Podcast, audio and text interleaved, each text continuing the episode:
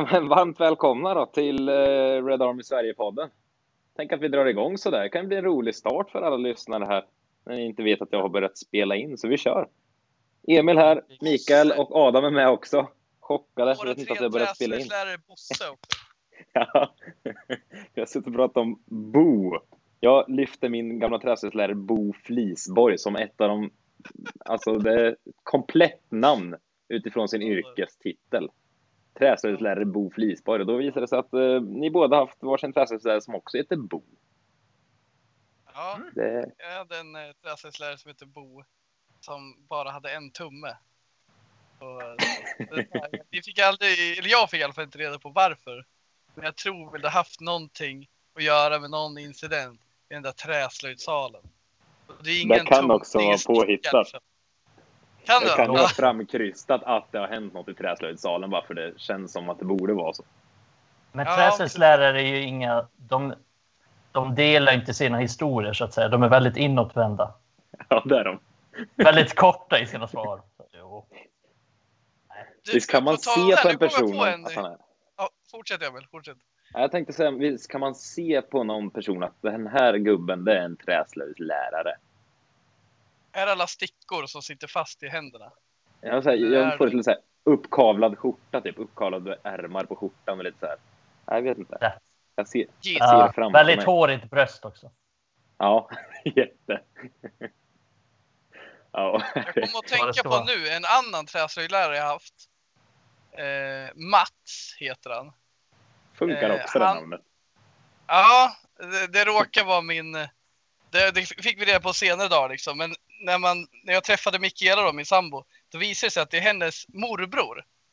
Och då berättade jag en historia för han som han hade glömt bort, det jag tänker berätta för er nu. Men det var så att man delade upp då, för oss i alla fall, att man hade ena delen av klassen hade syslöjd och andra hade träslöjd.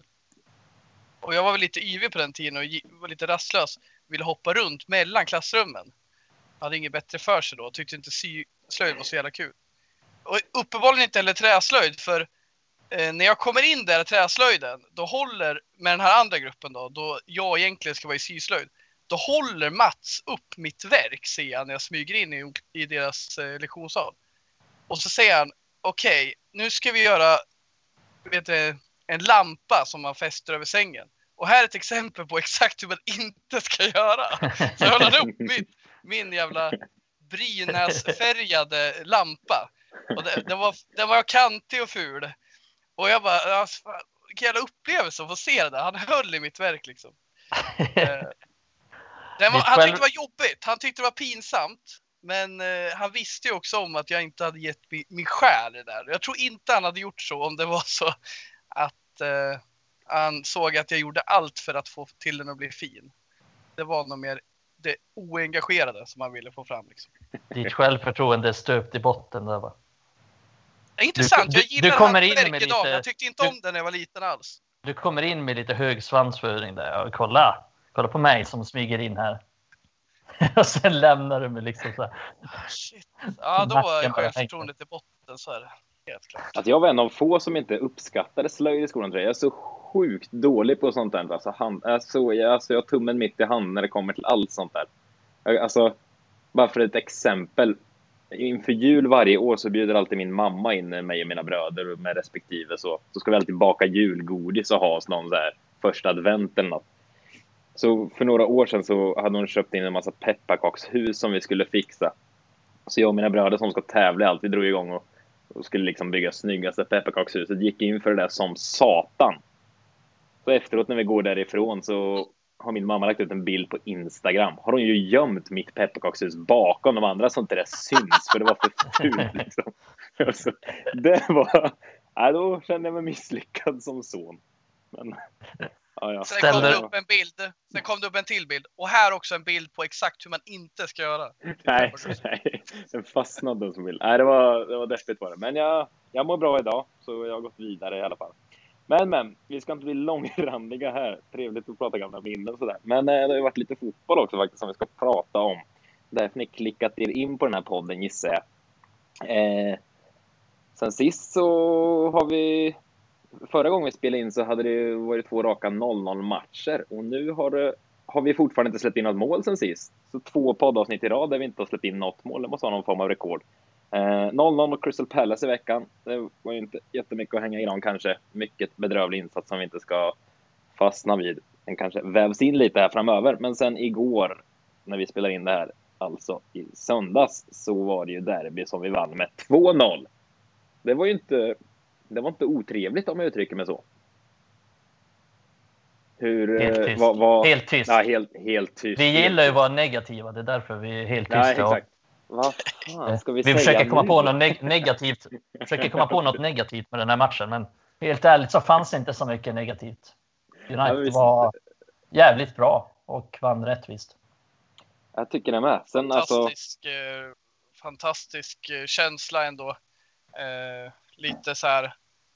Det känns ju som att eh, det, här, det känns lite hopplöst nu under våren. Alltså, vi, vi, vi liksom har inget riktigt hot underifrån. Det lär bli en topp fyra-plats eh, för vi har inte jättebra konkurrens från till exempel Tottenham. Eh, det känns som vi kommer få fjärde till andra plats oavsett, men, men nu känns det som ja, vi fick lite upprättelse efter en lite sämre period. Vi har inte förlorat, men nu visar vi även att vi ja, har den här styrkan vi har. Vi har visat den i två, tre år, Eh, i två år med Solskär, att vi kan göra sådana här matcher. Och vi är tillbaka där nu och det här kanske var den mest övertygande mot City vi haft. Jag vet jag kan inte komma på en en mer jämn insats över en hel match som nu. Jag tycker vi vågade mycket mer också, pressade tidigt, men hade ändå, hade ändå smartheten att släppa på pressen när det krävdes. Ja, exakt, exakt. United har ju varit bra som du sa innan mot City till exempel. Tre raka vinster på Etihad. Det styrker ju det, så Ole vet ju definitivt hur man vinner mot Pep Guardiola, mot City och mot storlag överlag. Så det är inget nytt där egentligen. Men jag tycker United var snäppet bättre nu än, än man har varit trots vinster tidigare mot de lagen. Och trots, till exempel, om, om vi kollar på stormatcherna den här säsongen så har United varit rätt bra ändå i dem. Alltså i de flesta. Man kan inte säga att det att typ matchen mot Chelsea tillhör en av Uniteds sämre matcher utan snarare tvärtom. Trots att det blev mycket kritik för 0-0 och det har blivit 0-0 i många matcher så har United varit rätt bra i de matcherna ändå förhållandevis om, om man jämför med till exempel 0-0 mot Crystal Palace. Eh, men jag tycker att United visar lite mer i den här matchen. Som du sa Adam, att man pressade lite högre upp och vågade lite mer helt enkelt. Och det är ju ett bra steg framåt. Det är lite, det är lite kul ändå det här med att eh, ja, vi satt där förra veckan också och kritiserade kring att eh, ja, det var 0-0 mot alla topplag och vi har inte mål mot topplag och, och så vidare och så vidare. Eh, men nu kan man faktiskt vända lite på det och se som vilken jäkla styrka att vi håller nollan så här mycket mot topplagen. För ja, vi hade 1-6 mot Spurs där, men det var ju liksom en på tusen och sen släppte vi väl ett mot Arsenal. Men i övrigt är det väl noll rakt igenom mot topp 6 och alltså den stabiliteten ändå. Eh, nu nu stabilitet är jag absolut inte förknippar den här, eh, den här upplagan av United med. Men just i de här toppmatcherna har vi faktiskt hittat en, en defensiv stabilitet och det, eh, alltså det är en jäkla styrka vi har just nu. Ja, det är väldigt. Ja, det är lite, lite intressant det är det för att det är som du säger, United har varit extremt slarviga i många matcher och det är, man tänker alltid att det finns ett misstag i den här backlinjen. Men i de här toppmatcherna så finns det inte det minsta misstag i någon av dem. Och det är ju det är väldigt, väldigt konstigt tycker jag. Men det är någon slags koncentrationsnivå som är på topp här och alla hjälper varandra på ett helt annat sätt. Men sen är det ju också såklart hur han lägger upp taktiken. Och just det med Arsenal, det var ju faktiskt en straff som jag tror det var Bruno mm. Fernandes som tog någon onödig straff i typ så här bortre delen av straffområdet. Så det var inte egentligen att defensiven fallerade då heller. Men om vi tar den här matchen så är det ju, jag skulle säga att om ni skulle fråga mig innan matchen mot City, vem är viktigast att ha med? Fred och McTominay eller Bruno Fernandes? Då hade jag svarat Fred och McTominay. Och samma svar har jag efter matchen också. De är kanske de två viktigaste spelarna i den här typen av matcher. Och det är egentligen eh, de gör ju ett enormt jävla jobb mot City och här tycker jag att Ole lägger upp laget på ett bra sätt för han, han spelar inte med någon traditionell att de spelar precis bredvid varandra och håller liksom centralt, håller varandra i handen. Utan de är ju snarare ute på kanterna och härjar. Eh, Fred är ju snarare som ett plåster på Kevin De Bruyne och McTominay är ju mer nästan på högerkanten än han, än han är centralt. Eh, så att det är ju, de gör ett enormt jobb på mittfältet och, och det gör ju också att backlinjen blir lite tryggare i det de gör. Men de ska också hyllas för att det är inte så att Fred och McTominay sitter i knät på Lindelöf och Maguire. Utan som jag sa så är ju mer Fred och McTominay mer, drar ju mer ut mot kanterna så att de blir ju faktiskt utelämnade en del, en mot en mot City-spelare. Men de klarar det galant varenda gång.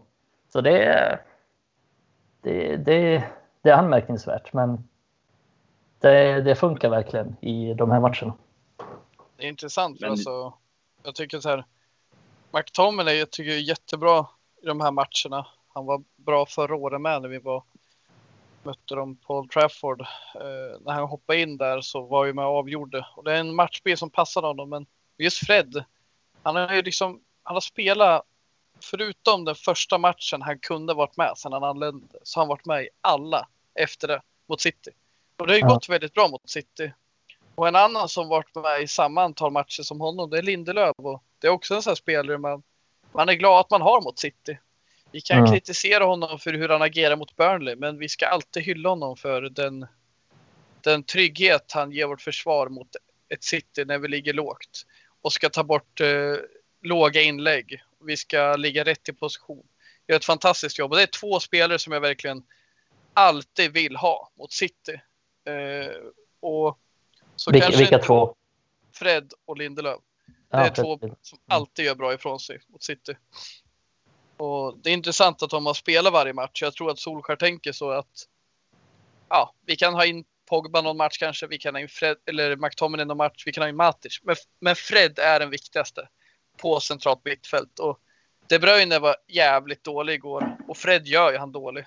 Det är mm. inte så att det är en slump att Fred bryter de här bollarna. Han ligger helt rätt och han gör det jävligt för De Bruyne. Ja. Och det är fantastiskt att se. Och det är en jävligt underskattad spelare. Jag önskar mycket mer av Fred på lång sikt att han ska bli en bättre passivspelare. Eh, vi kommer behöva det om han ska vara en given spelare om säg två, tre år. När vi kanske kommer lite mer dit vi vill med vårt truppbygge. Det är ännu en bit kvar. Men jag tycker han gör så jävla bra ifrån sig i de här matcherna. Det, det ska han ha. Ja, det men är det här... många som missar. För mm. det, det är inte alltid det uppskattas, det är jobb i det tysta. Eh, jag, jag tycker det är svårt med många liksom har ju kanske uppskattat Carrick eh, efter hans karriär egentligen. Men många har också gjort det under hans karriär för man ser det där. Men det är lätt att missa det här som inte är så spektakulärt. Och där var ju Carrick fantastisk på att jobba i det tysta. Och ja, tyst liksom.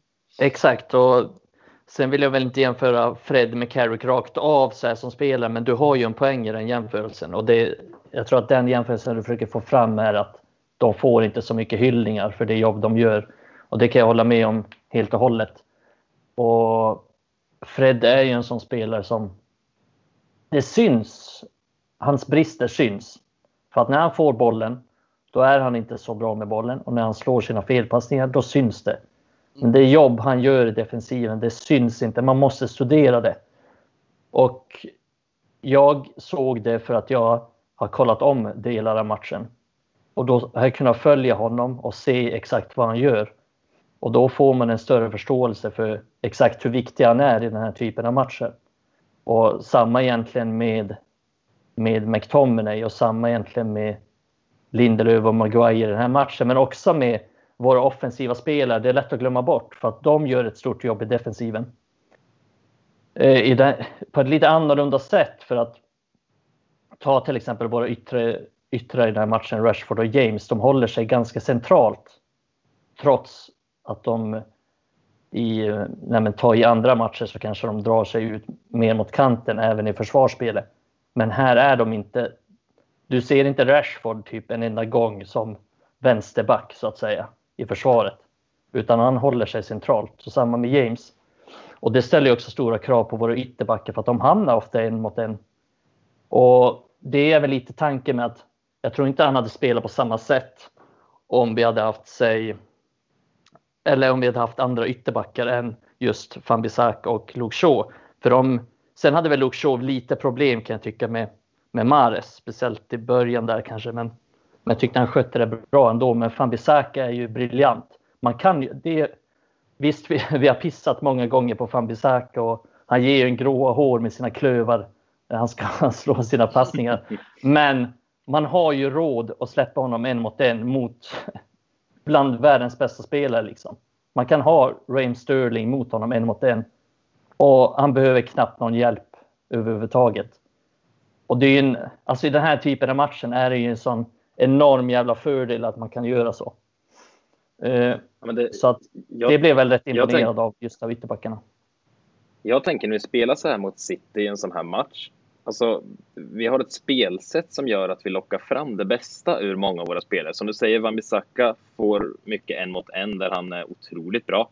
Eh, ni var inne på både Fred och Lindelöf. Båda de har sin största styrka egentligen att läsa spelet och liksom komma rätt.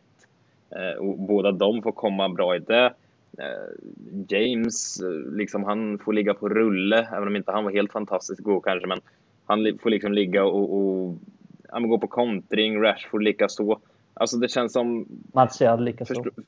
Ja, men precis. Det är liksom, just det här spelbilden passar ju United väldigt bra. Och det är väl det som är problemet, just att vi inte har den här jämnheten i prestationerna och mot sämre motstånd. För då, då ska Wan-Bissaka vara med i offensiven. Då får Fred mycket mer boll och ska fördela likaså McTominay.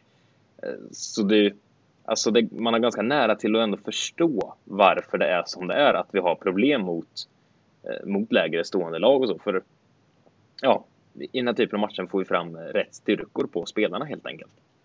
Ja, och spelar, spelarmaterialet vi har är liksom inte gjort för att vi ska äga Newcastle och West Bromwich. Men det är gjort för att vi ska kunna vinna mot de absolut bästa lagen.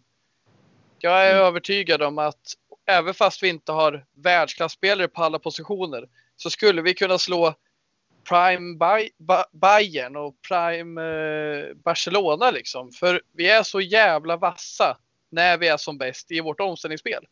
Vi är tillräckligt bra och stå lågt för att försvara oss mot ett grymt City.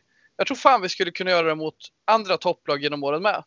Men eh, liksom, det, det, är som du säger Emil. Men alla spelare är gjorda för det sorts spel.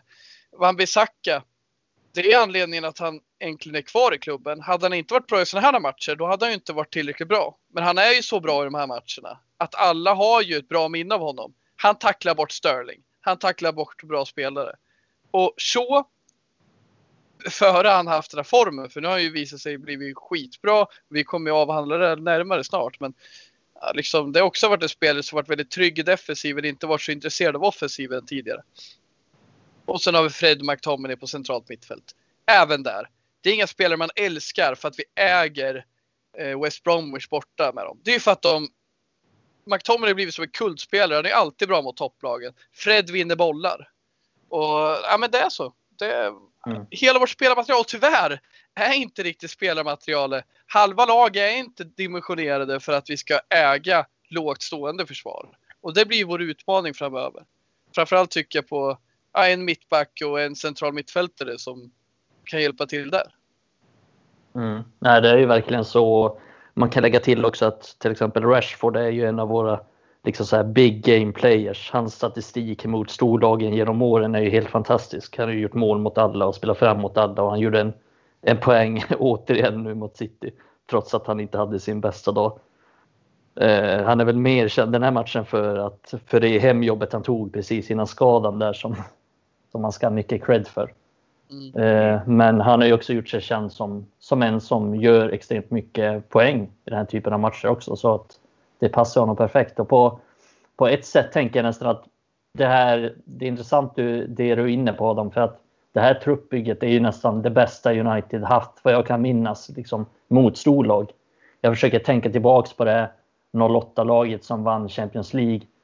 Men det här laget är ju nästan bättre på att ställa om liksom, i den här typen av matcher än vad det laget var. För att då hade vi ju väldigt mycket typ West Brown som högerback och Patrice Evra som vänsterback. Och kollar vi på så här en mot en defensivt så är ju till exempel Shaw bättre än Evra och Fambisaka bättre än Brown. Plus att vårt mittfält nästan är mer anpassat också för den här typen av matcher och kunna vinna boll och slå fram bollen tidigt och, och så vidare och så vidare. Så att det finns ju extremt mycket styrkor i det här laget. Det gäller ju bara att eller gäller bara, men det, det är mest synd bara att det är sällan vi har nytta av det, om du förstår vad jag menar. För att allt som oftast, eh, majoriteten av matcher så ska United styra och ställa och då får vi inte mycket utrymme till kontringar och vi ska liksom äga matchen och, och så vidare. Men det är inte bara det som är problemet heller, att vi är dåliga på det, utan det är ju det finns ju någon slags inställningsfråga också. Det är bara att kolla skillnaden på inställningen i den här matchen och mot Crystal Palace tidigare. Skulle Rashford ha mm. tagit det där jobbet som han tog mot Crystal Palace? Inte en jävla chans. Jag tänkte faktiskt precis komma in på exakt det. Att jag tänkte precis ställa den frågan faktiskt. Att varför får vi inte se ett sånt hemjobb av exempelvis Rashford i andra matcher? Och alltså, är det en inställningsfråga så det ser jag nästan som ett, alltså det är ett större problem än, alltså för vi är inne på att truppen är kanske inte byggd för att dominera mot Sheffield United hemma, men alltså brister i inställning och liksom rent så, det, det är fasen inte okej okay, rent ut sagt. Det sitter jag här och blir irriterad efter den här segern, men, men det är så onödigt. Jag läste någon tweet igår någonstans här. Alltså det är så onödigt att vi kastat bort. Alltså för vi har verkligen kastat bort med tre, fyra matcher. Alltså om jag bara kan komma på rak arm här. Alltså West Brom, Sheffield United, Palace här nu. Eh, Everton, alltså bara sista... shit vad vi slängde bort det. Ja, Everton. Ja, det är så jäkla onödigt. Vi kunde haft tre eller fyra segrar där istället för oavgjorda matcher och någon förlust. Vi hade på riktigt haft en titelstrid mot City här nu då. Det är så sjukt onödigt och så... Visst, vi, truppen kanske är byggd för att, att spela matcher som den mot City igår. Men den är fortfarande, herregud, tillräckligt bra för att kunna slå de här lagen jag har rabblat upp här nu. Det, det, ja. det ska ju vara segrar i alla de matcherna. Det är så jag, frustrerande och irriterande att man bara slaskat bort det här någonstans. Jag tycker att eh, till exempel vår, vår backlinje, eh, om vi bortser nu från egentligen Shaw, som har gjort jävligt bra ifrån sig. Men så är vi inte riktigt gjorda för att dels försvara oss så högt som vi gör och dels äga offensiven som vi vill. Eh, Fambisaka är inte bra offensivt. Eh, Shaw var inte det, han har blivit det nu. Eh, Lindelöf och Maguire är inte anpassade för varandra alls. Och De är inte snabba stå, heller. stå högt. Då är det liksom bättre att ha Bajy istället för någon av dem. Men han är som sagt ganska labil för mig och eh, skadebenägen. Så det är väl kanske inget att titta på på lång sikt. Men även han har gjort bra säsong tycker jag som Shaw. Men sen tycker jag offensiven. Rashford, Greenwood, Martial, Cavani. Alla de spelarna ska kunna äga de sämsta lagen i ligan. Och jag sa det mm. förra podden. Jag tycker att Rashford är tillräckligt bra för att kunna bli en jämn spelare med rätt coachning. Jag tycker att Solskär har utvecklat honom på sätt och vis och gjort det bra. Precis som resterande anfallare. Men det är inte så att Rashford inte har eh, förmågan. Han måste bara lära sig. Det, det, är någonting där i coachningen. Han har förmågan. Det känns som antingen skjuter han hela tiden eller så skjuter han aldrig. Eller så är han liksom slarvig i passningsspelet. Eller så är han inte alls med i passningsspelet. Det, det, känns som det känns som att han får olika bud hela tiden hur han ska hantera sitt spel. Förut skulle han ta alla frisparkar och skjuta så fort han fick chansen. Nu skjuter han aldrig och krånglar till det istället. Det blir ungefär som, ah, jag vill skjuta. Nej, men just det, jag ska inte skjuta. Jag ska passa den i djupet till så. Var det så? Alltså det, så, så, så, den tycker jag på din fråga där. Vi har absolut materialet och inga problem. Vi ska, vi ska kunna köra med James Wilson och eh, Anna Janusaj i det här laget och ändå vinna mot West Bromwich borta. Så hög kapacitet har vi med spelare som liksom Pogba, Bruno. Det, det ska inte vara en fråga. Det handlar ju mer om hur vi anfaller. Fan, vi börjar bli lite negativa igen. Nu ska vi prata roliga ja. grejer, ska vi inte det? jag tar på mig den. Jag tar på mig den. Om jag kör en Nej, enkel det... fråga då. En rak fråga här. Hur bra är Luke Shaw? Just nu. Det är lite för Vil- positivt, vilken- så jag vet inte om vi vill svara på det. Vilken, Nej, men han är ju- exakt. Han är ju skitbra. Vi har ju kritiserat honom som fan under hösten. Ja, det har vi. Och han, eh, han har ju liksom visat en bild av sig själv som man kanske aldrig har sett. Eh, Jag tyckte mig se det en stund under van Schall innan han bröt benet. I intentioner på att han ville och kunde.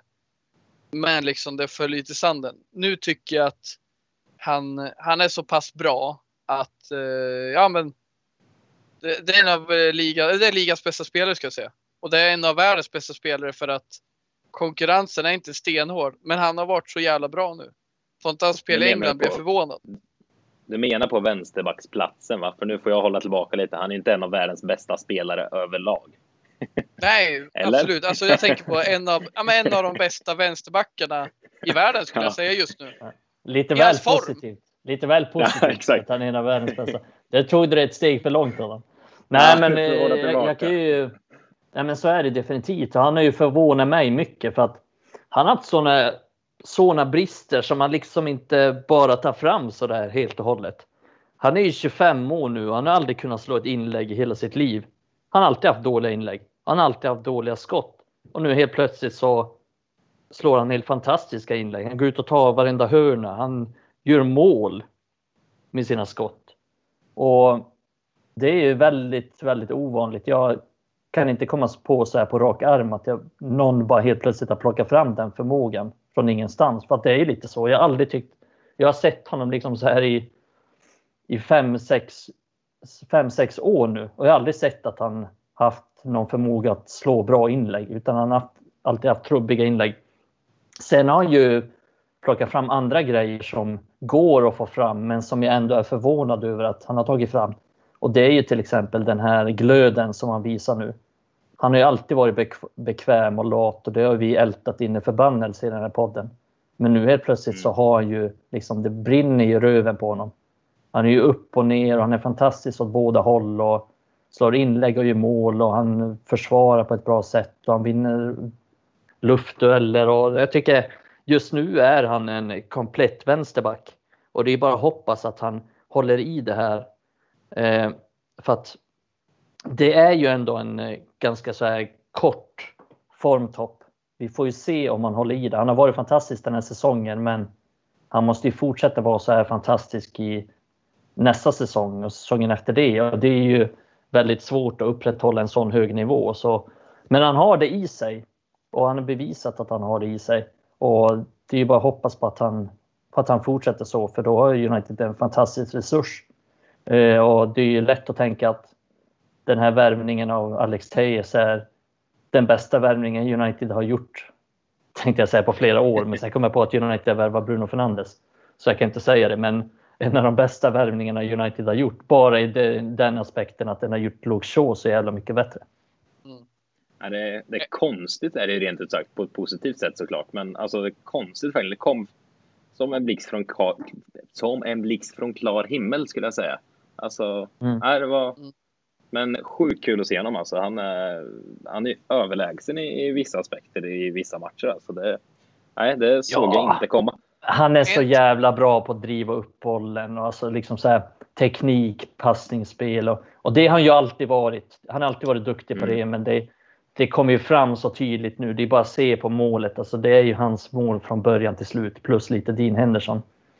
Men det är ju så fantastiskt hur han kan driva upp den och han verkar inte bli trött längre. Så där får man ge cred till Ole. Jag kan inte peka finger på exakt vad Ole har gjort.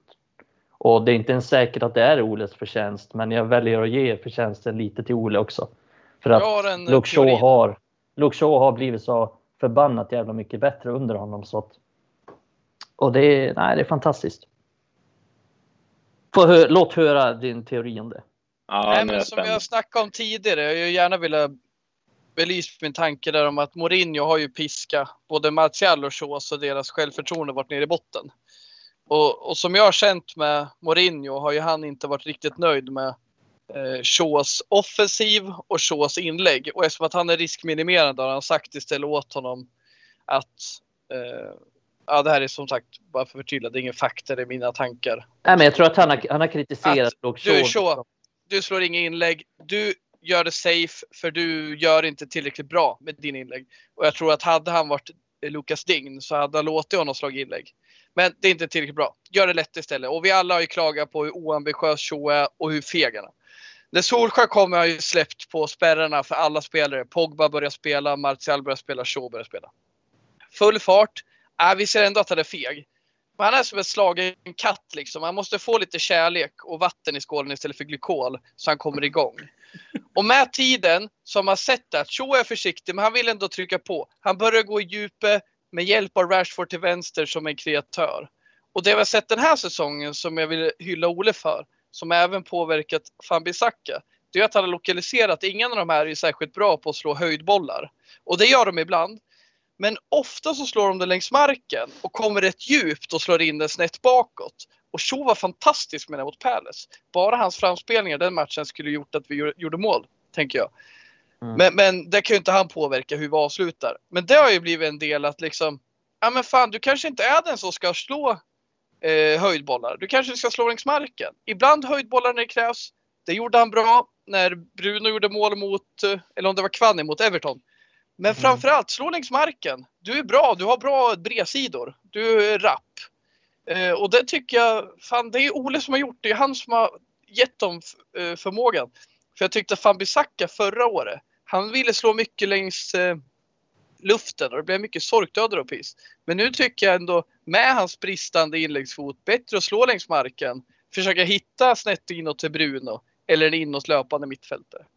Så det skulle jag ge cred till Solskär för. Mm. Ja, det, det är bara instämma i det, men det som är lite udda med det, det är att han, han slår ju fantastiska luftinlägg också nu och hörnor som ja, nu, det var någon match där han slog liksom så här, det blev ingenting av dem, men han slog typ så här tre, fyra hörnor på rad som träffade en skalle på någon av våra spelare och som ja, men egentligen med bättre kvalitet på liksom på nickarna hade kunnat resultera i mål bara för att det var så jävla bra hörnor. Så han har ju utvecklat det också. Så det är... Mm. Ja, hörnorna, den tänkte jag inte på. Det har du rätt i. Det gör han ofta bra. Men jag tycker att mm. inläggen i vanliga, det är för få som går på huvudet för att det ska vara liksom.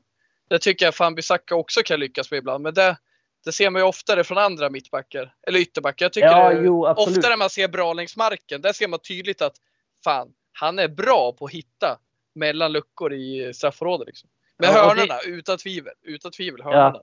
Och det är han ju också. Det är ju båda de eh, bra på. Men det är ändå noterbart att de har blivit bättre på mm. deras Alltså de har ju verkligen blivit bättre på det, båda två. Så de har ju uppenbarligen jobbat med det. Ja, kul är det i alla fall. Um, om vi ska fortsätta kult. prata kult spel. Kult, kult. Uh, om vi ska fortsätta prata spelare. Henderson, Dean Henderson har ju fått chansen nu när de Gea är hemma i Spanien för han har blivit pappa för första gången om jag har förstått det hela rätt. Uh, så har ju Henderson fått kliva in och ta över vantarna. Och han har gjort det bra onekligen får man ju säga. Vi har ju varit inne på tidigare i den här podden att vi tycker, ja, eller ja, ni var väl med mig där också, att vi alla tre var överens om att Henderson borde få chansen här nu resterande del av säsongen bara för att testa honom. Eh, se mm. om, han, om han är våran gubbe för framtiden. Han har gjort det väldigt bra nu får man säga. Även, alltså, han kanske inte sattes på dunderprov igår hela tiden så, men Alltså, han har något, det finns någon självklarhet tycker jag i alla fall över honom. Men vad, vad tror ni? Om han fortsätter så här, spelar så här bra och sen kommer det Gea tillbaka. Vad, vad, tror ni? Min gissning är att Ole sätter in det Gea så fort som möjligt i kassen igen. Men vad tror ni? Jag tror också så. Jag tror också att eh, de det sker tillbaka i målet. Det, det, är en, som vi har nämnt tidigare, det är en av Oles favoriter. Eh, Martial är också en sån där som ska behöva liksom säga till Ole något riktigt hemskt för att han ska bli av med sin, sitt mandat. Maguire också en sån. Jag tror inte Maguire kan vara så pass. Jag tror inte Maguire kommer bli petad hur, egentligen hur dålig han är. Eh, så mycket förtroende har Solskjaer för Maguire.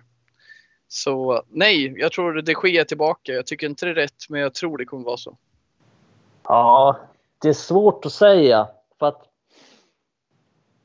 går det egentligen att peta Henderson? Säg att han gör den här matchen och han fortsätter så här och han håller nollan igen och igen. Går det verkligen att, att byta tillbaka till de Gea? Jag är fan tveksam. Jag är också inne på att Ole gillar de Gea. Ole gillar de Gea, det är jag också medveten om. Men frågan är fan om han skulle ändra tillbaks. Det känner, det känner jag mig tveksam till. Han är ju Faktiskt. världens bästa målvakt enligt Ole. Varför skulle han ja. inte ta tillbaka honom? Det vore jättekonstigt. Ja, men det vore jättekonstigt att peta en målvakt som håller nollan nu fem matcher i rad. Eh, Absolut. Jag, jag, kollade upp statistiken här, hur många, jag tror att han hade 66,67 procent av alla sina matcher i United-tröjan har han hållit nollan. Det är, Romero. det är bra statistik, men å andra sidan har Romero något liknande så det säger inte så ja, mycket. Ja, man får ju ta det med en nypa salt eftersom de eh, så här, andra målvakterna Romero stod inte står ju ofta i kupperna. Nej, det är sant. stod men, mot Port Way. Ja, ja, nej, men Henderson har ju fått stå lite sådana matcher också här och där, men eh, alltså, ja, han ja. har gjort det jättebra och alltså man sänker ju. Han är ju en ganska ung kille. Nu verkar han vara ganska stabil pjäs så liksom rent uh, mentalt, men alltså Ole skulle sänka honom om han de Gea kommer tillbaka här nu från Spanien och inte tränar på två veckor och så ska han stå här igen fast Henderson liksom. Han har inte kunnat göra någonting annorlunda eller någonting bättre.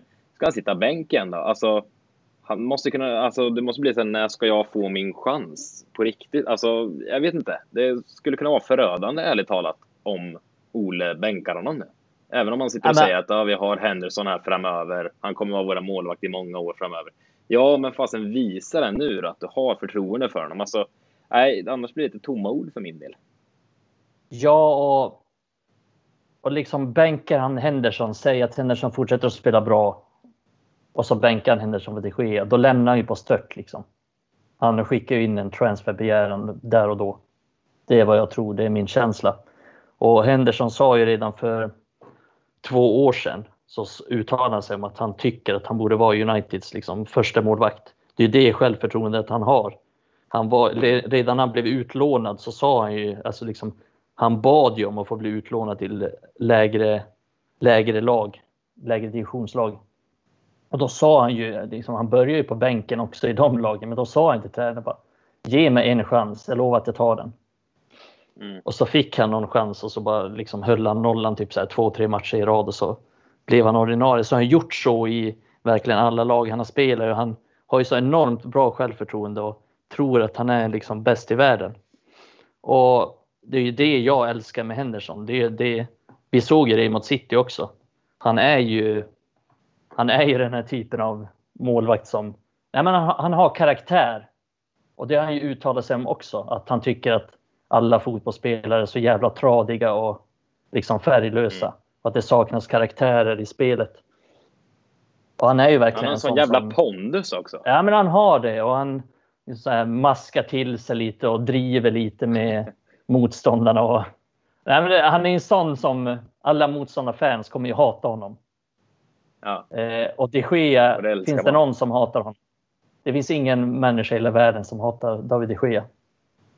Eh, så sen, det är väl sen, en stor skillnad mellan dem. Sen är det viktigt att påpeka också om somliga kommer och vill försvara de Gea. Alltså herregud, vi har mycket att tacka de Gea för. Det har inget med saken att göra. Och det är viktigt att påpeka, jag är fortfarande inte helt hundra övertygad om att Henderson kommer stå i United-tröjan om sju år och vi kommer prata om honom som att herregud vilken målvakt vi har fått fram. Alltså det kan vi inte veta ens. Så mycket har han trots allt inte spelat på den här höga nivån för att vi ska vara säkra på den.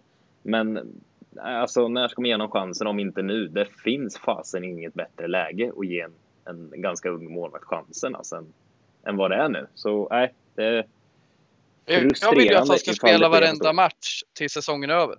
Vi har tid att investera ja. i det nu. Vi har snackat om det flera ja. gånger sedan som det är dags nu. Vi har, ligan är körd, men ska vi investera i något så är det till exempel att eh, slussa in Ahmad. Ge Greenwood så mycket speltid han bara kan få. Och mm. Henderson.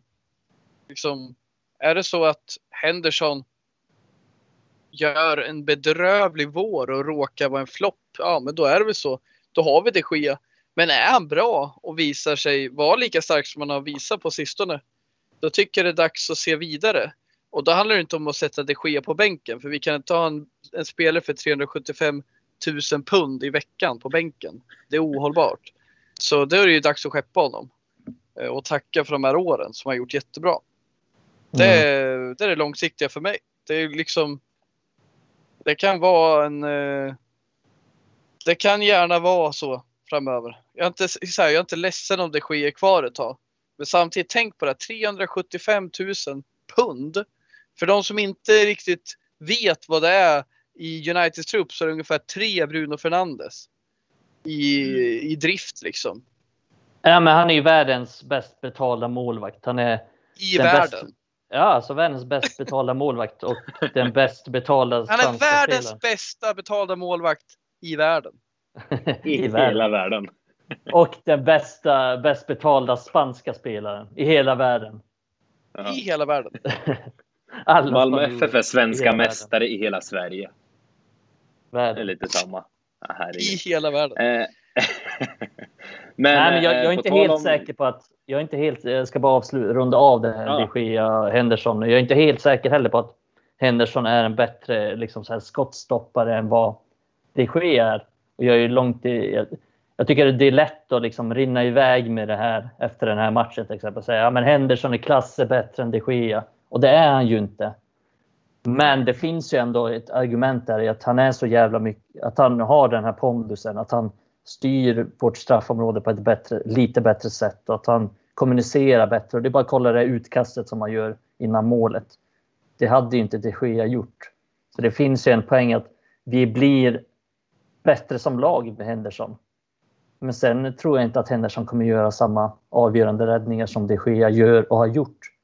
Men ja, han har chansen att bevisa sig nu och han gör det bra än så länge. Eh, men eh, sista grej här bara innan vi tar en litet break här. Eh, På tal om Henderson och Greenwood och Rashford nämndes också.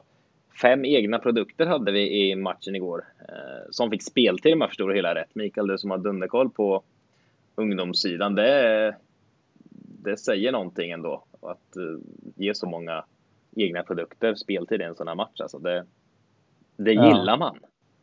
Ja, Jag gillar man. tänker på det här lagfotot Mikael med McTominay, Rashford och Henderson i skulle samma fan just säga det. Skulle fan just säga det. För att de var ju faktiskt i samma, de är ungefär i samma ålder.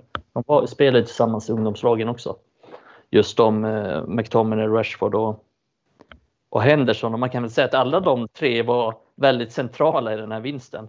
Så det är inga, det är inte så att man slänger in en eh, vänsterback i två minuter som man gjorde med Brandon Williams. Utan de här är ju centra, var ju centrala i den här vinsten mot City. Som såklart inte hade mycket att komma med vad gäller egna produkter. Eh, Men det fan också ett argument för att Henderson ska spela, eller? Alltså bara en sån grej att han liksom McTominay Rashford och han har spelat ihop som barnsben. Alltså, herregud, när jag har spelat fotboll ihop med nära vänner, alltså det blir något annat det också. Ärligt talat så är det fasen en aspekt. Alltså det kanske låter lite fånigt, men sådana mjuka värden, alltså. Nej, jag, Mm. ytterligare ett argument för mig. Ja, men det är ju fint. Jag såg en intervju, jag tror att det var Uniteds officiella konto som gjorde en intervju med, med Rashford och Henderson och så satt de och snackade liksom så här gamla minnen och snackade så här första gången de träffades och första gången de spelade ihop och så var det någon så här typ bisarr match, typ så här, någon borta match när de var 13 år mot typ Eh, Port Whale eller någonting och så bara berättar de minnen om den matchen. Det, det, var, det var underbart att höra. Nej, men det sa någonting. Att det, var, det var något sånt lag.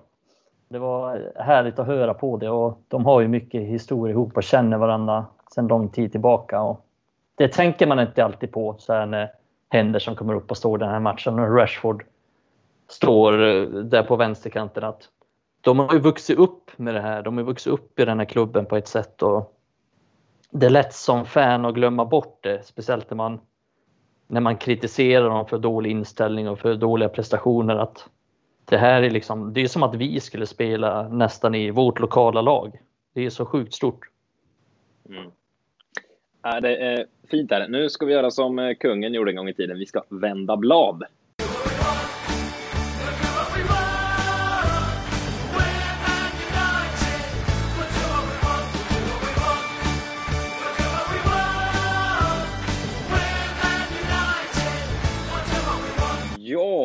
Då ska vi kika lite på kommande vecka vi har framför oss också. Eh, två matcher som vanligt tänkte jag säga. Eh, det har blivit en vana till två matcher i veckan nu med detta spelschema.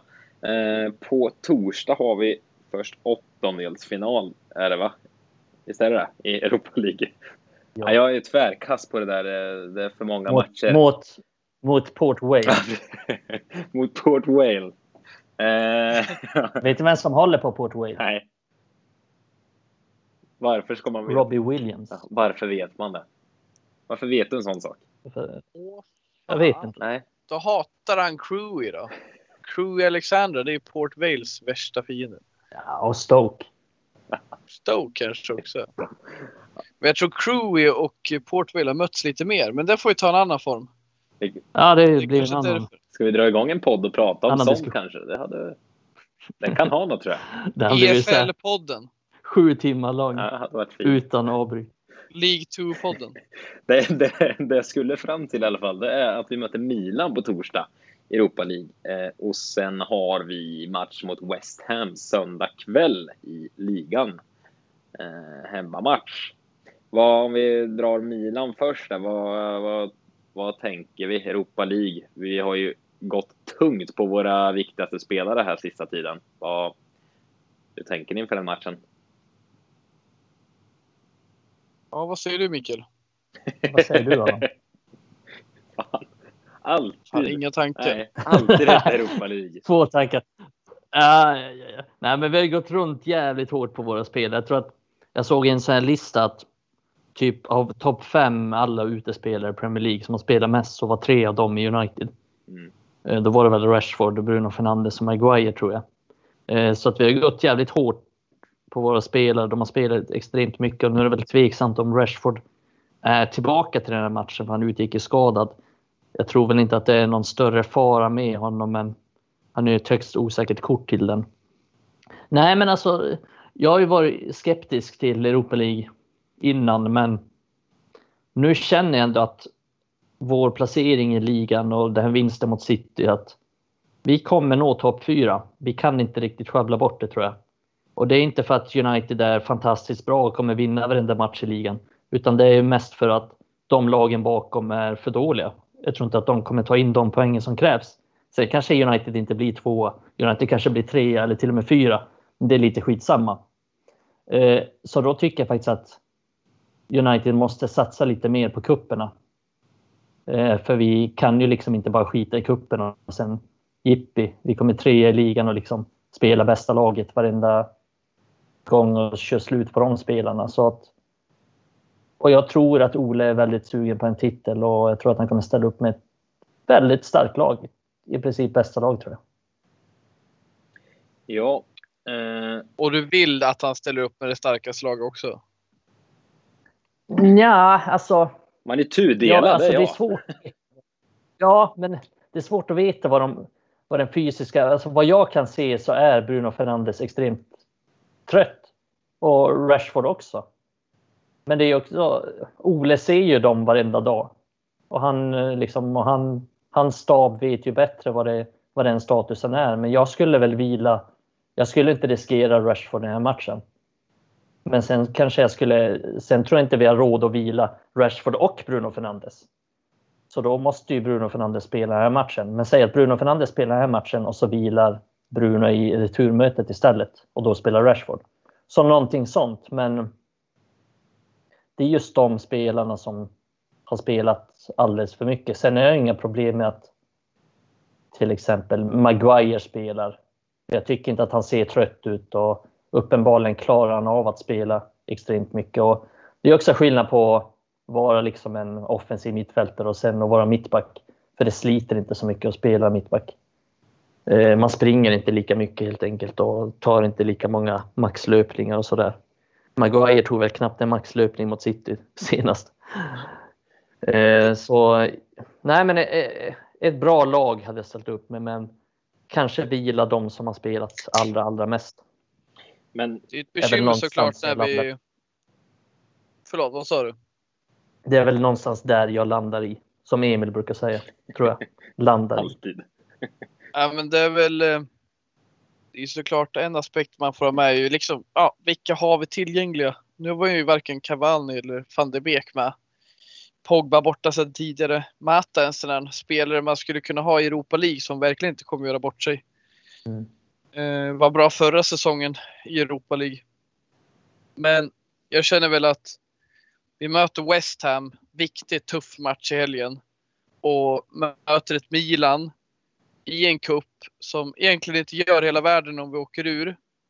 Men det kan vara kul om vi kan få fram vissa spelare och ändå hålla vissa i form. Vi möter ett Bilan med väldigt mycket skador också. Så det känns som jag tror vi kommer kunna rotera en hel del, men ändå göra bra ifrån oss. Jag, jag tror jag är med på vad du är inne på där Mikael. Eh, till exempel tror jag Maguire kan spela. Det är en viktig spelare, men ändå. Eh, liksom, ska man vila han eller inte? Jag tror inte det är något bekymmer. Men till exempel Rashford och Bruno ser jag ingen anledning att chansa med. Martial däremot, han kan ju starta. Det är en bra spelare. Men det är ju för att vi Mm. kanske inte har så mycket alternativ.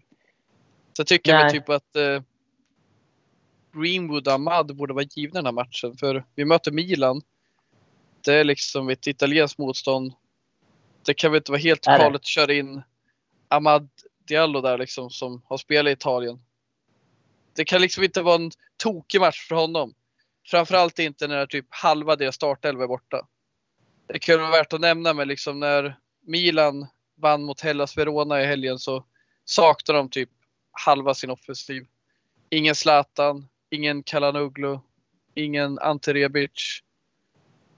Vänsterbacken Theo Hernandez. De har jävligt mycket skador. De har tufft nu och tappar mark i ligan. Jag tror inte att vi behöver vara oroliga med deras besättning som kommer till Old Trafford. Och kan vi mönstra Ahmad, Matic, Telles, Martial, van de Beek. Vi kan få upp ett hyfsat lag ändå. Ja, som vi har varit inne på tidigare, det är inte nödvändigtvis sämre att ha typ Matic Pogba på ett mittfält mot vissa typer av motstånd. Säg att vi möter Crystal Palace hemma, då är inte Matic och Pogba sämre än vad Fred och McTominay är, snarare bättre. Men möter vi City borta, då är Fred och McTominay bättre. Förstår du vart du vill komma? Att Mm. Även om man roterar så behöver det inte betyda att det blir sämre. Eh, Det är bara vad, vad som passar bäst för det motståndet. Och en intressant detalj är ju att Dalot kanske kommer starta då. Och hans defensiv finns det brister i. Så det, det hade varit kul att utnyttja. Det är lite kul att han får spela. Lite konstig, märklig känsla. Eh, Men där finns det Verkligen, det definitivt... känns bisarrt att man ens finns en Ja. möjlighet att möta sitt i, sin egen klubb. Jag tycker det är så konstigt. Ja, det är ju det. Och det är ju liksom, det är mot regelverket i England, men så internationellt så är det inte det. Och jag är för mig, nu, skulle jag inte, nu tar jag inte gift på det här, men jag är för mig att det hänt ganska många gånger i typ Spanien att en spelare som har varit utlånad från typ Real Madrid har avgjort mot Real Madrid. Jag för mig att han Canales gjorde det någon gång. Men Sergio Ah. Canales som han heter. Axel Men så- Tuanzebe är också en sån här spelare som man skulle vilja få speltid nu. Han kommer inte få det så mycket i Premier League och då gäller det ju nu. Det här, Mm. Han var ju fantastisk mot PSG, internationellt motstånd liksom. Varför skulle han inte spela nu? När Milan är så skadedrabbade, så svaga. På hemmaplan också.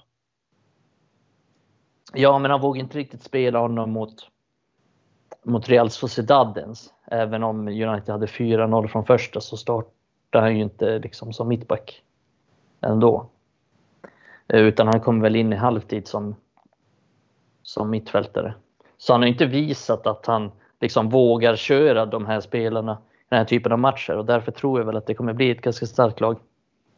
Ja, jag tror också han kommer satsa på dem. Jag får gissa vad han kommer göra. Så han tog ju in Rashford när vi leder med 4-0 mot Real Sociedad. Så Mm. han vill ju verkligen det här.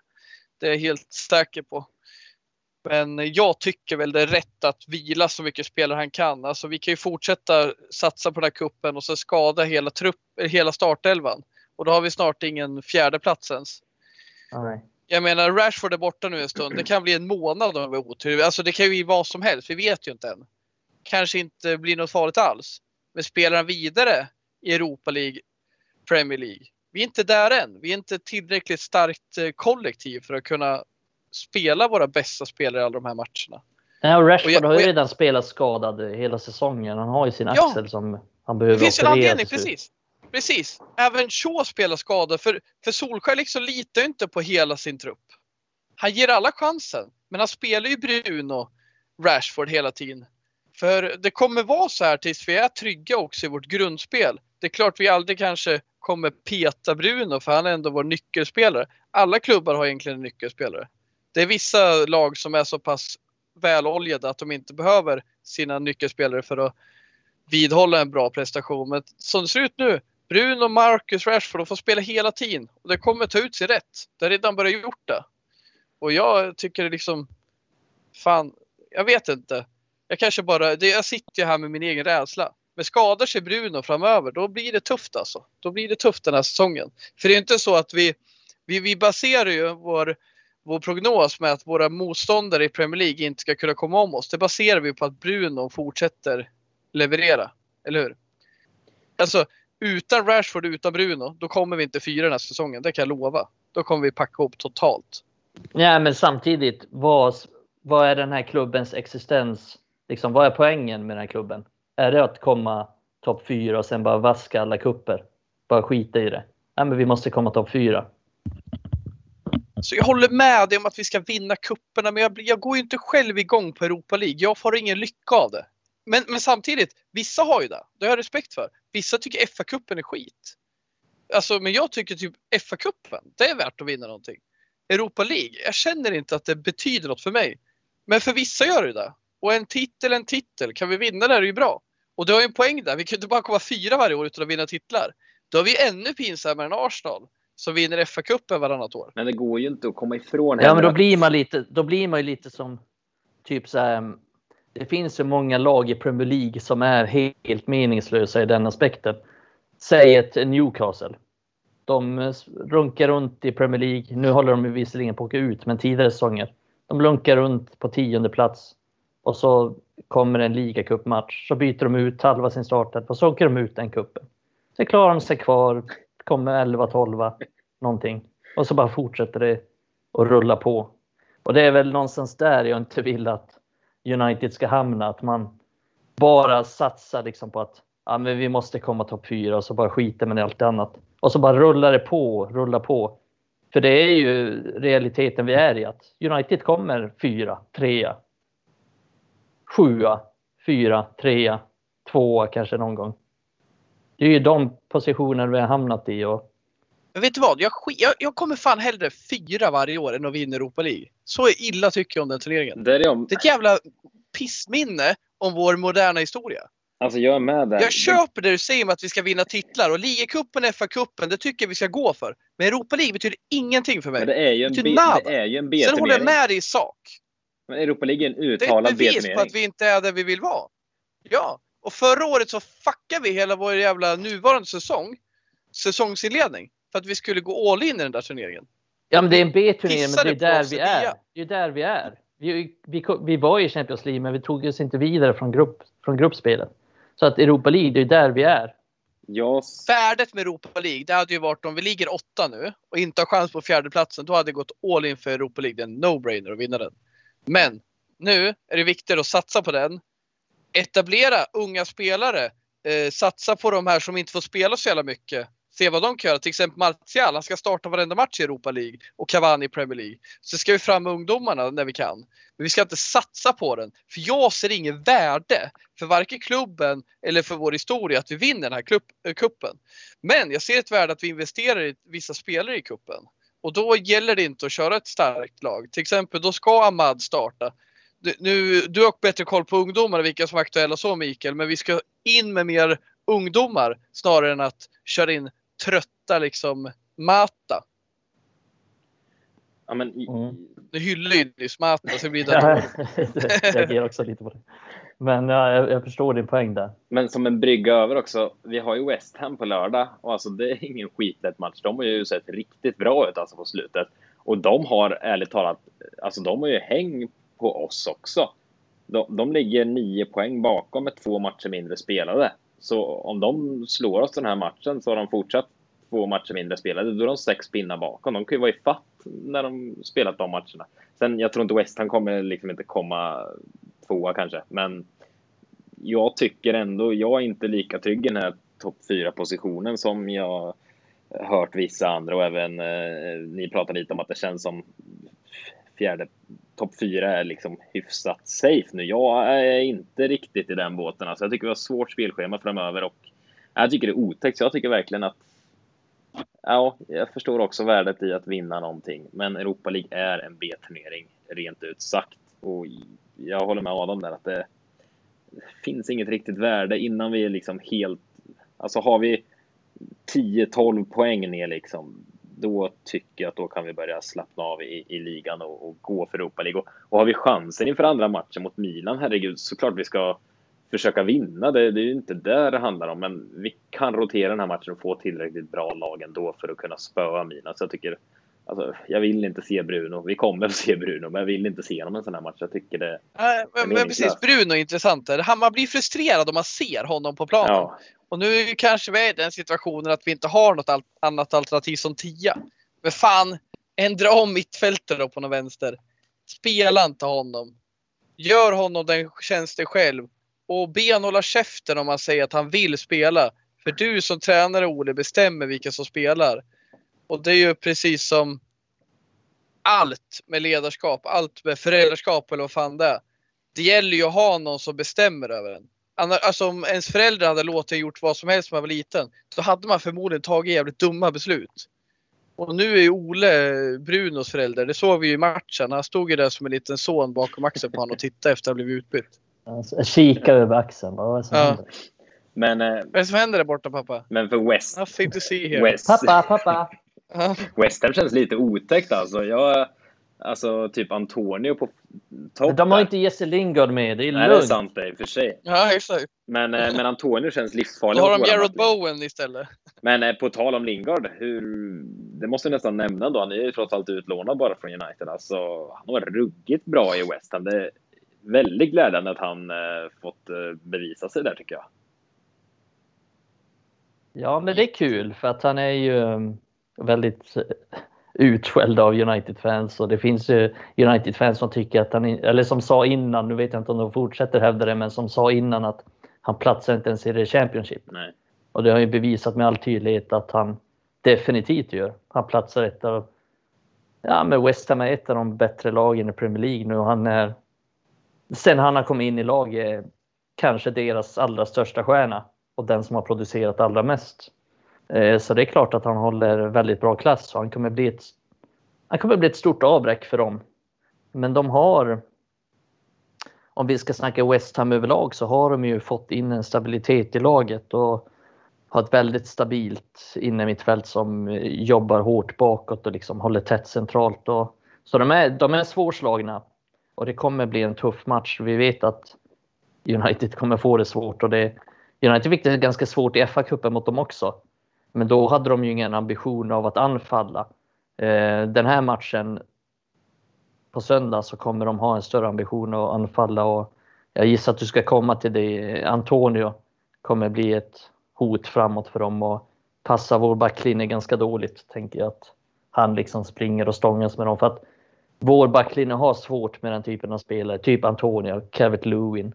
Sådana som både är snabba och starka och liksom så bra i luften. Mm. Så det Visst, det kommer bli en tuff match. Vi kommer ju släppa in en fast situation alltså, på söndag. Det kan, vi, det kan jag redan spika. Svar, svar ja. Zuzek också. Han svar är den ja. stora checken. Han är ju otäckt bra på huvudet. Alltså. Så Antonio. Nej, det...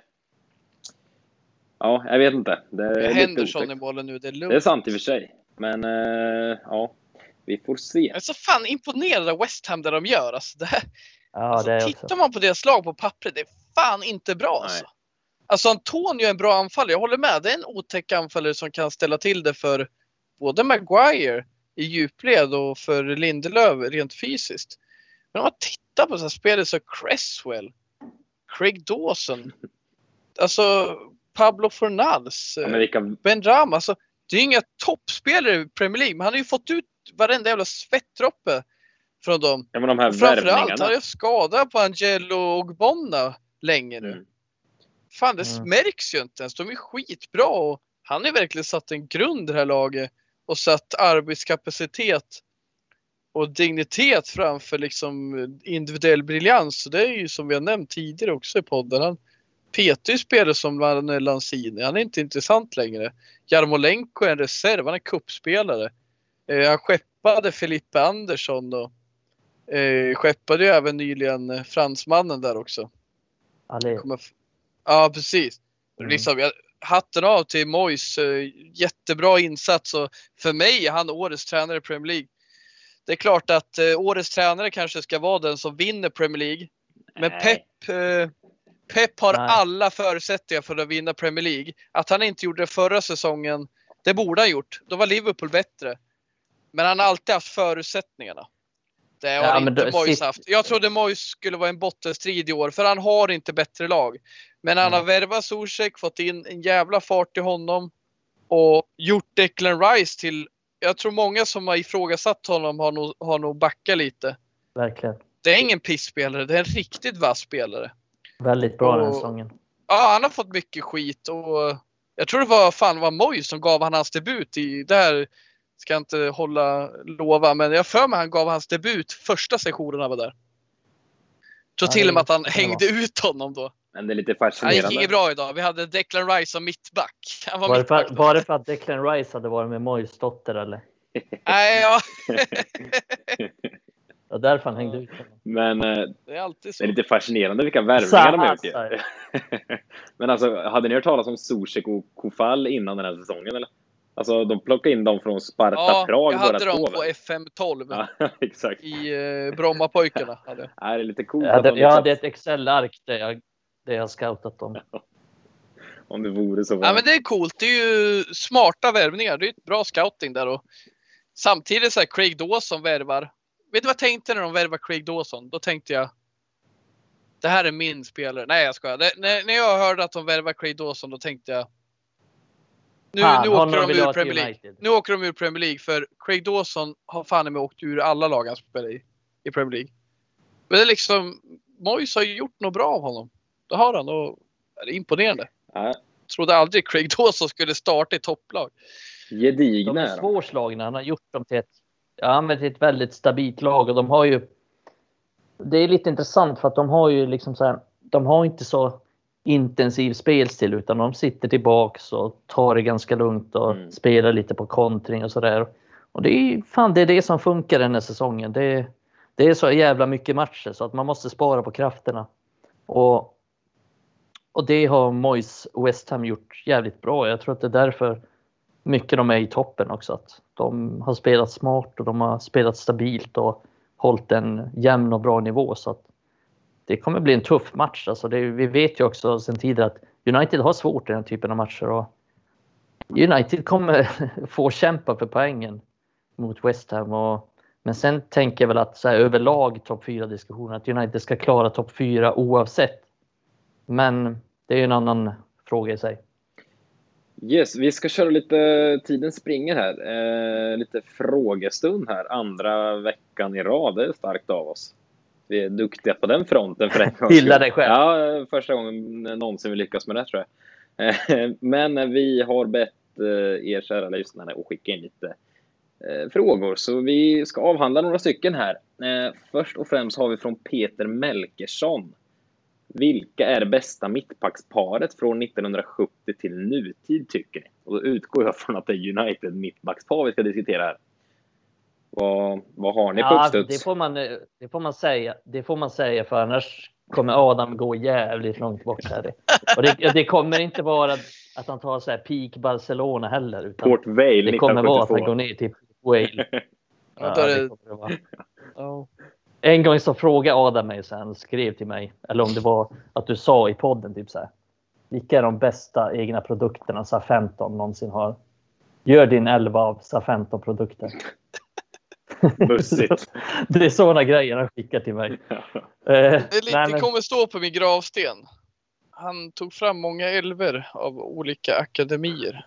Det kanske inte var SA 15, det var så här, något mer Det var det säkert. Det kanske var... Sheffield United kanske det var.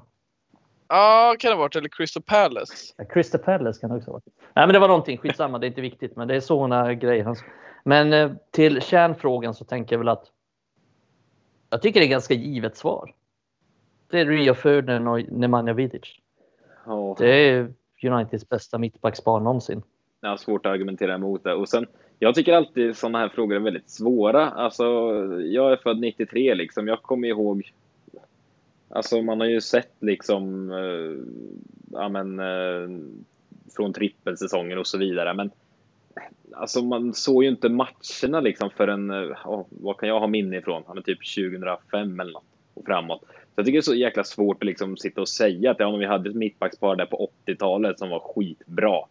Eh, jag bottnar inte riktigt i det där känner jag om jag tar en sån diskussion. Det är svårt att säga så här, vem är bäst i United genom tiderna? Jag kan ju se statistik och jag kan se alltså gamla klipp och grejer. Men det är fortfarande svårt att bottna i när man inte sett den spelaren eller det mittbacksparet på riktigt om du förstår vad jag menar.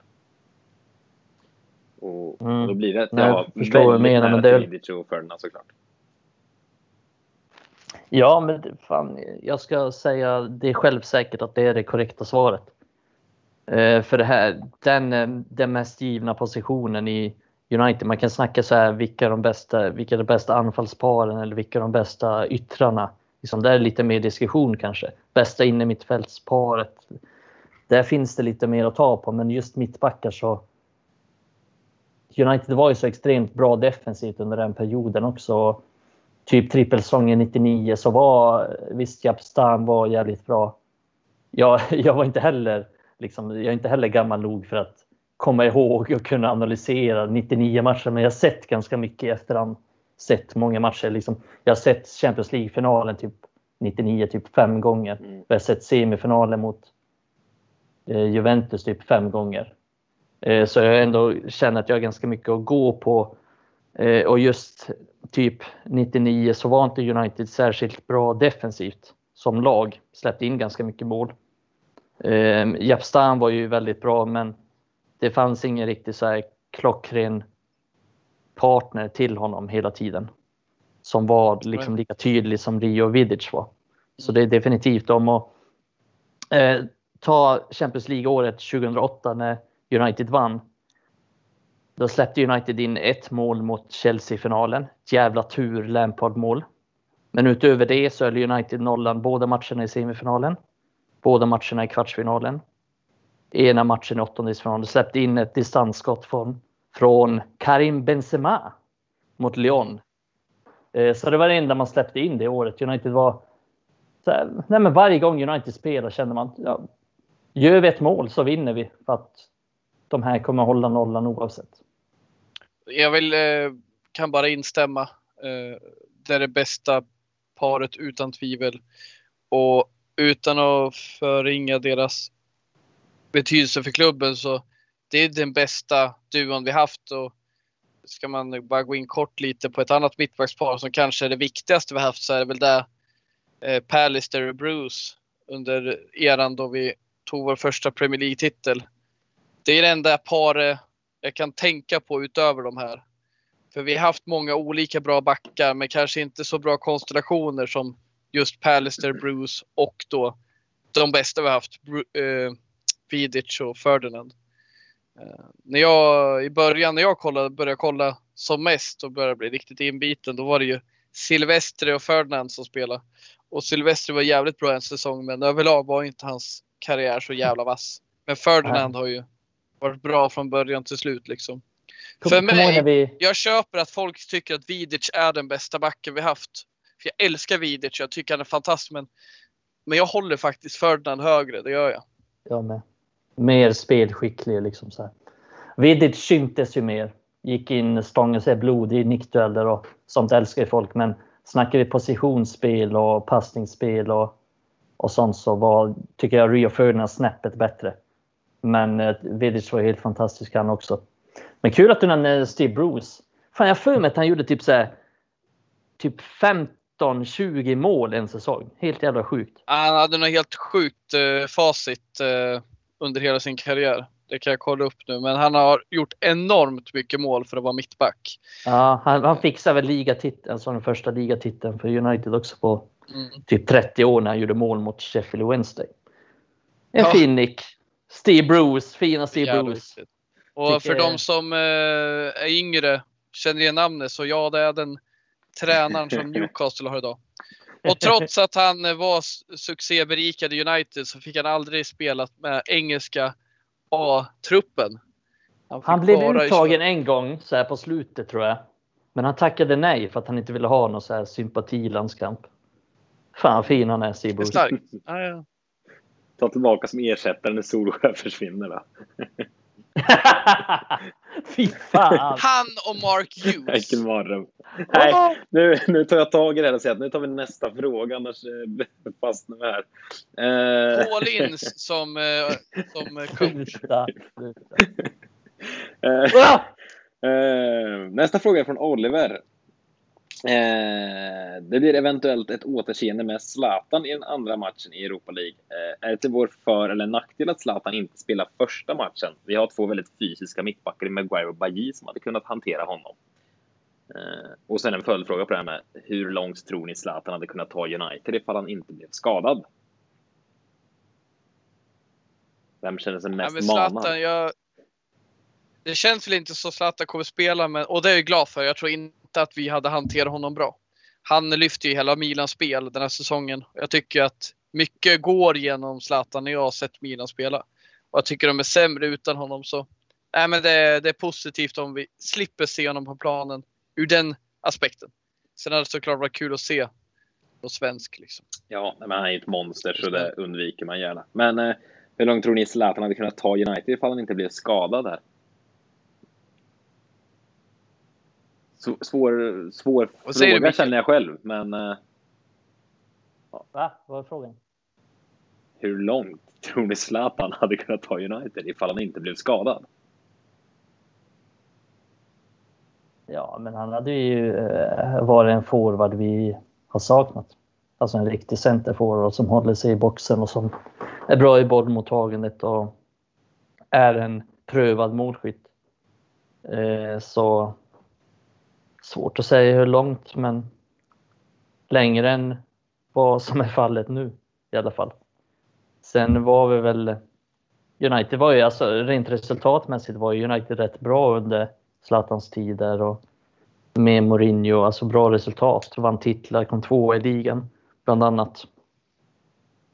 Eh, men sen Alltså, sen krävs det ju något annat för att United ska vinna Premier League. Det krävs inte bara Zlatan utan det krävs ju en, en proaktiv coach som sätter ett tydligt spelsystem och som kan ta laget till högre höjder och där är jag väl inte säker på att liksom Mourinho hade vad som krävdes. Solskjaer har vad som krävs eller van Gaal har vad som krävdes. Utan det kanske är någonting annat plus en, en lite bättre trupp i övrigt också såklart. Yes, då ska vi knata in på Instagram och Twitter-frågor. Här har ju folk så här användarnamn, det är hopplöst. Alltså, jag vet inte vad folk heter, men det är väl någon som heter Filipparna. Uttalar jag det här nu. Men han frågar, eller hon, eh, saknas Pogba? Frågetecken. Och Hendersons framtid i United? Det sker till PSG? Frågetecken. Om vi börjar med första, saknas Pogba? Saknar du Raiola Adam? Nej, det gör jag inte. Jag eh, tycker ju att eh, vår offensiv hade gjort nytta utan Pogba. Men eftersom Ole inte behöver fundera så mycket på eh, hur vi ska spela. Eh, det har varit lättare att ta ut sina lag tror jag utan Pogba. För det skulle sägas att även fast Pogba har varit bra och nyttig så har han kanske hamnat på lite konstiga positioner just för att Ole vill addera honom i sin spelplan. Men jag tycker ändå att vi har blivit bättre defensivt och det, det syns ju också på våra resultat på senare tid. Pogbas sista match, om jag har fått det rätt, var ju mot Everton när vi släppte in tre bollar. Och de tre bollarna hade ju inte bara med han att göra, det hade ju med laget att göra. Men jag tycker vi blivit stabilare defensivt, men mycket tråkigare offensivt. Så jag vill ju hellre att vi vinner med 3-2 varje match än 0-0 eller 1-0. Så eh, jag eh, saknar ju honom lite. Det gör jag. Jag tyckte han hade en bra roll i olika matcher. Mot eh, eh, Liverpool till exempel hade han ju någon slags ytterroll. Och jag tycker vi var mycket bättre med honom, kort och gott.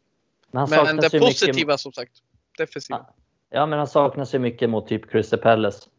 Mm. Eh, kollar vi matchen West Bromwich. Mot, ja, verkligen. Då saknas hans kreativitet från mittfältet. Och för vi skapar inte så många målchanser i de matcherna. Nästan inga alls om jag ska vara ärlig. Eh, och det ska jag. Eh, men eh, annars så kan jag hålla med om att han inte saknar särskilt mycket. Alltså, typ mot City nu. Det, för mig hade det inte spelat så stor roll om han var med eller inte. Det är klart, han är en bra spelare så där, men det är mest i de här matcherna mot, mot sämre lag som han spelar roll. för att Det är inte så länge sedan han avgjorde med ett helt fantastiskt mål mot Fulham. Och hade inte han spelat, ja då hade den matchen slutat oavgjort. Eh, det är vad jag tror. Liksom. United hade inte vunnit den matchen utan honom. Eh, så i den, och United hade förmodligen vunnit mot Crystal Palace med honom. Så att han spelar stor roll i den typen av matcher. Det gör han. Och där har vi saknat honom. Yes. Det värsta med att han är skadad nu det är att eh, Raiola börjar snacka massa skit. Framförallt när det närmar Han har inte sig sagt landslagsuppehåll. Han har inte sagt något. Nej, men det han kommer börja snacka skit, en fet knopp. Jag har inte hört honom. Har man hört någonting från Raiola sen, eh, ja, sen Pogba-gate där sist innan Champions League-matchen där i höstas? Ja, Var knäpptyst eller? men inget negativt. Han har ju snackat positivt. Ja, Han har ju sagt det. If I speak I'm in trouble. Nej, men han har ju sagt massa skit, fast han har ju gjort det på ett bra sätt så att han inte liksom hamnar i trubbel nu. För han har insett det att Pogba ändå är trygg där han är.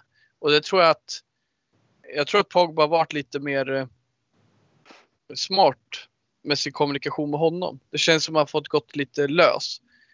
Eh, Det vill komma till, jag tycker Pogba har tagit mer ansvar på sistone och bett han hålla käften.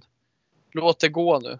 Kontrakt eller ej, men nu kör jag och visar mitt bästa och det har ju Pogba gjort. Han har varit fantastisk efter den här Pogba-gate som du nämnde Emil. Han har varit jättebra för laget.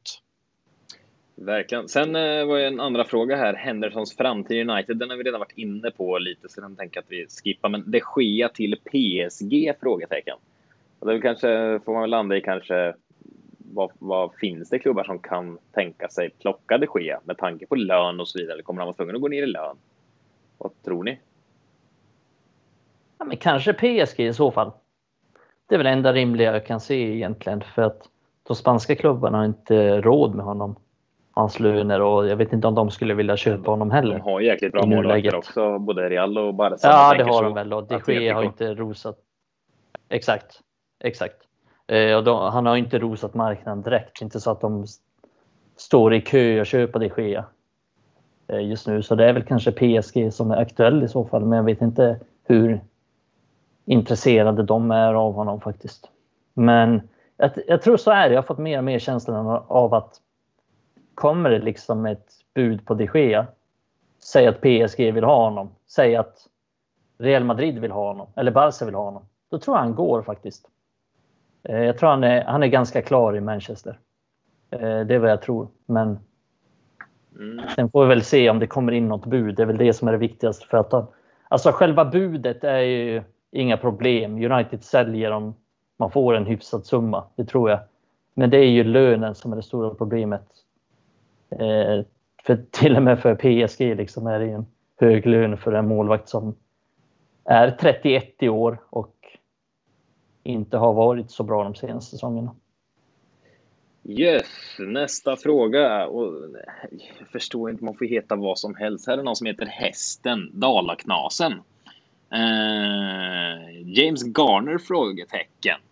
Och sen står det Amad Diallo får chansen nu med alla skador och italienskt motstånd när han spelat tidigare. Eh, här kanske vi ska släppa fram eh, Mikael, ungdomsexpert och eh, bra koll på utlånade. James Garner gör väl hyfsat bra ifrån sig nu var han i Championship. Ja, fan oklar fråga jag fick. James Garner? Frågetecken, så jag utgår från det. Eh, nej, men det, är, det är kul att du tar upp Garner och ställer en fråga om det i alla fall. Det gillar jag. Nej, men det, han hade inte så bra låneperiod i Watford och det funkar inte superbra. Alltså jag såg ju Watford en del när han spelade där och de spelade så förbannat dålig fotboll och James Garner hade någon slags offensiv roll oftast då. Även om han kan spela lite mer offensivt som åtta till exempel så är han nog kanske lite bättre som sittande mittfältare och han får ligga lite lägre och det har han fått göra i Nottingham Forest nu. Eh, och sen han gick till Nottingham Forest så har han genomgående varit deras bästa spelare faktiskt. Eh, och de har ju väldigt bra form sen han kom också. Eh, så jag tycker han har varit bra där och han, han har många saker som United saknar idag. Han har ju det här passningsspelet som jag tycker vi har varit inne på det tidigare med Fred och McTominay som saknade. Till exempel att han kan slå med en boll genom lagdelarna, lite som Michael Carrick gjorde. Men också att han, han kan vända sida med en passning. Liksom, han behöver inte 30 sekunder på sig och sikta och ställa in någonting, utan han, han får bollen och så vänder han sida på en gång. Och det är, liksom, det är en underskattad grej att kunna för att United behöver mot, mot sämre lag öka tempot, liksom, öka passningstempot. Och där är han bra med en första pass som, som varken McTominay eller Fred har faktiskt. Men tror du man kan plocka tillbaka honom Eh, nästa så- säsong och han får chansen i truppen? Eller känns det som det blir utlåning ytterligare en säsong? Jag tror att han skulle må bra av utlåning en till säsong. Men sen, alltså visst skulle han kunna komma till United och göra några matcher. Så här, vara en del av en rotation. Men jag tror att han skulle må som bäst. Alltså, snackar vi bara för hans egen skull, hans egen utveckling, så skulle han må bäst av att bli utlånad en säsong till.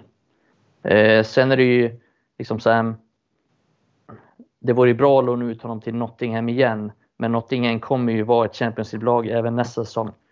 Eh, Så det beror lite på. Jag tänker ju typ så här. Norwich kommer mest troligt vi ska upp. Alltså om de vill ha honom. Då skulle det vara helt perfekt att han spelar i ett lag som vill spela fotboll och som är nykomlingar i Premier League.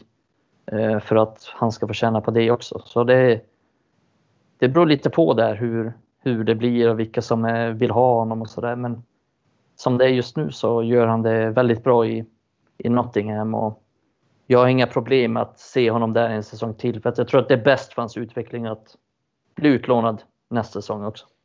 Yes, och sen hade vi en fråga till här från samma person om Ahmad. Eh, om han ska få chansen nu med skador och italienskt motstånd. Det var vi inne lite på också, att det vore väl inte fel att få se honom. Eh, hoppas få se honom någonting på torsdag i alla fall. Men eh, ja, det är väl dags att eh, Ole försöker få in honom ännu lite mer mot vad han har fått. Det är min eh, önskan i alla fall. Man vill se honom lite till. Jag tycker glimtvis när han fått spela det lilla han har spelat har man ändå sett att det, det bor någonting jäkligt fint där i. Så det det vore kul att få se honom eh, spela lite mer här eh, mot slutet av säsongen. Eh, sista fråga här. Den här fick vi faktiskt för ett tag sedan. Nu tar jag er på sängen här. Gustav Gard skickade in för någon vecka eller två sedan. Kan ni diskutera vem i United som ser minst ut som ett fotbollsproffs till utseendet? Helt övertygad om att Adam har tänkt i de banorna några gånger. Uppskatta frågan kan jag säga. Ja, vem som ser minst ut som en fotbollsspelare? Ja, fotbollsproffs. Fotbollsproffs. Alltså, Ja, det skulle jag fan nästan säga något lite med Harry Maguire faktiskt. han ligger jättenära till Eh, han. Dels för att han ser ut som en engelsk eh, kärring som eh, livnär sig på att sälja teer i olika smaker och dofter. Men också för att hans ben går lite ihop så här. Han ser lite, lite styltig ut.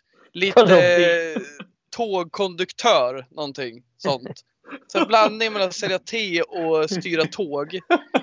Eh, det är någonting med Maguire. Och sen hans jävla oro. nej, Han är, ju- han är vacker och ful på, två, på olika sätt. Han är inte så vacker. Men han, han är vacker i sitt sätt. Jag tycker han är så ödmjuk.